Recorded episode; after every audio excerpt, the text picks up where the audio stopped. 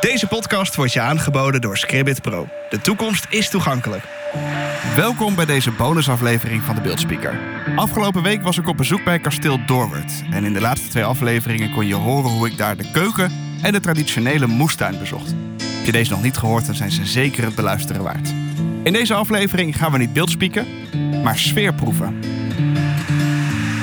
Waar denk jij aan bij een kasteel? Denk je aan sprookjes, aan prinsen en prinsessen, aan de middeleeuwen en heldhaftige ridders?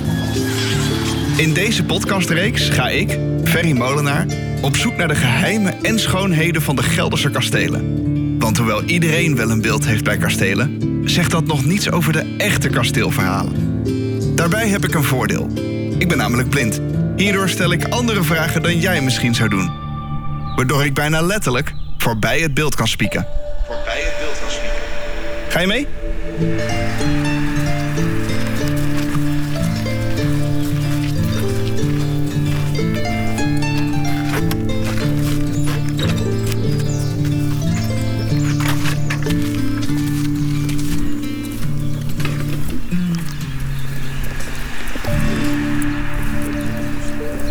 Tijdens mijn bezoek op kasteel Doorwerd werd ik gastvrij ontvangen door vrijwilligerscoördinator Hans van Leeuwen en conservator Marieke Knuit. Het kasteel, ja, dat is uh, al begonnen in de 13e eeuw, rond 1260. Toen is hier in een ja, zo'n gebied waar de rivier de Rijn, Nederrijn meanderde, is de eerste woontoren gebouwd, nog een houten toren. En die is al uh, vrij snel daarna, weet het 1260, dat die in brand gestoken is bij een belegering. En toen is zo'n twintig jaar later stond het eerste stenen kasteel er al. En dat had de grootte van een, ja, een hele grote stenen rechthoekige toren. En in de loop der eeuwen zijn daar steeds vleugels aan vastgebouwd. Dus rond 1400 is er een groot vierkante toren naast gezet... met kantelen en arkeltorens. Uh, en daarna is de hele zuidvleugel er langs gezet. Want kasteel Doorwerd was het centrum van de hoge heerlijkheid Doorwerd. En dat was een vrij groot gebied die eigenlijk helemaal zelfvoorzienend was. Dat uh, gebied dat liep van Heelsum ten westen van het kasteel naar Oosterbeek, ten oosten van het kasteel.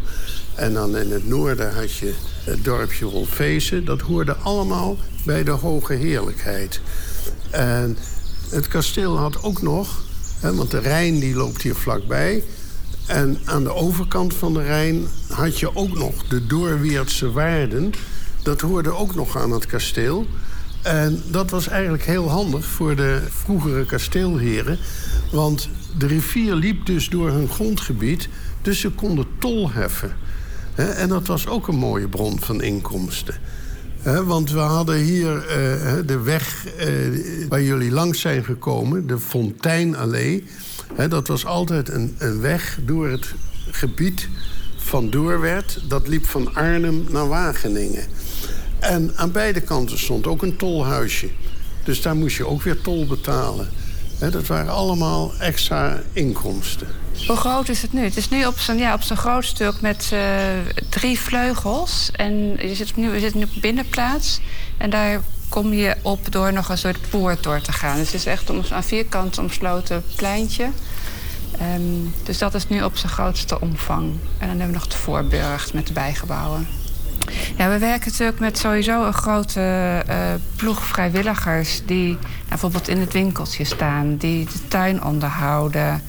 Um, die ook zorg, dagelijkse zorg voor de collectie doen. Dus daar hebben we ook een heel housekeepingplan voor. Hoe je, nou, met welke frequentie je de voorwerp bijvoorbeeld moet stofvrij maken. Dan werken we met restauratoren voor het onderhoud.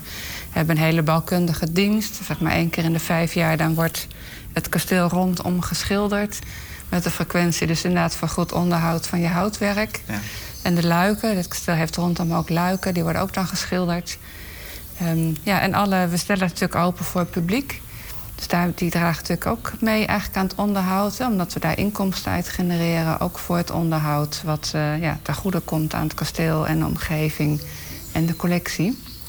Uh, dus op die manier proberen we daar met heel veel zorg en aandacht... dit uh, complex weer de volgende generatie en hopelijk de volgende eeuw in te brengen. In een, Dit is de klok, die wordt ook onderhouden.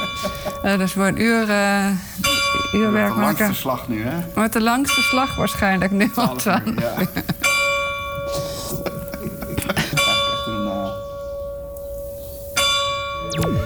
Dan toch even over de toegankelijkheid. Toen dit kasteel gebouwd werd in de 12e en 13e eeuw waren er nog geen liften en werd alles met een trap gedaan. Misschien voel je de uitdaging al wel een beetje. Nou, het is een. Ehm, eh, het, kan denk ik zeker beter. We hebben um, toevallig onlangs uh, hebben een traject gedaan met zowel de Zonnebloem als Bartimeus. En die hebben al onze opengestelde kastelen bezocht. En ook nou ja, opgeschreven wat de verbeterpunten zijn en wat we meer zouden kunnen doen. Uh, zeker al in eerste instantie gewoon in een goede informatievoorziening. Het, ja, je hebt wel gemerkt, Kasteel Doorwerth het is vol opstapjes, afstapjes, trapjes, uh, smalle doorgangen. Um, dus het is per definitie is zo'n kasteel eigenlijk gebouwd op ontoegankelijkheid. Want het moest gewoon lastig in te nemen zijn. Uh, dus het is eigenlijk per definitie. ja, precies. Ja. Dat is gelukt. Dus, maar um, het heeft wel onze aandacht. En ik denk dat we daar zeker nog veel meer aan kunnen doen. En uh, voor een aantal kastelen is het lastiger, maar er zijn er ook een aantal waarbij we uh, op, een, op, op een andere manier ook alternatieven zouden kunnen gaan aanbieden. Een bezoek aan kasteel Dorwert is zeker aan te raden. Het was erg interessant om te zien hoe mensen vroeger leefden en wat wij daar vandaag de dag van kunnen leren. Iedereen die ik tegenkwam sprak vol passie over het kasteel. Als je het kasteel wil bezoeken, doe het dan met de auto. Je kan voor de deur parkeren. Er rijdt wel een bus, bus 51 vanaf Arnhem Centraal naar Wageningen. Dan stap je uit bij de halte van de Molenplein vanaf waar het 18 minuten lopen is. Vind je deze podcast interessant? Dan zou je ons echt enorm helpen als je een beoordeling achterlaat in je favoriete podcast-app of deze deelt met je vrienden. Alvast heel erg bedankt. De beeldspeaker wordt je aangeboden door Scribbit Pro en is mede mogelijk gemaakt door het Bartimeusfonds en Gelders Landschap en Kastelen. Montage en productie Ferry Molenaar, de podcast creator. Kijk voor meer informatie in de beschrijving van deze aflevering of op de website beeldspeaker.nl.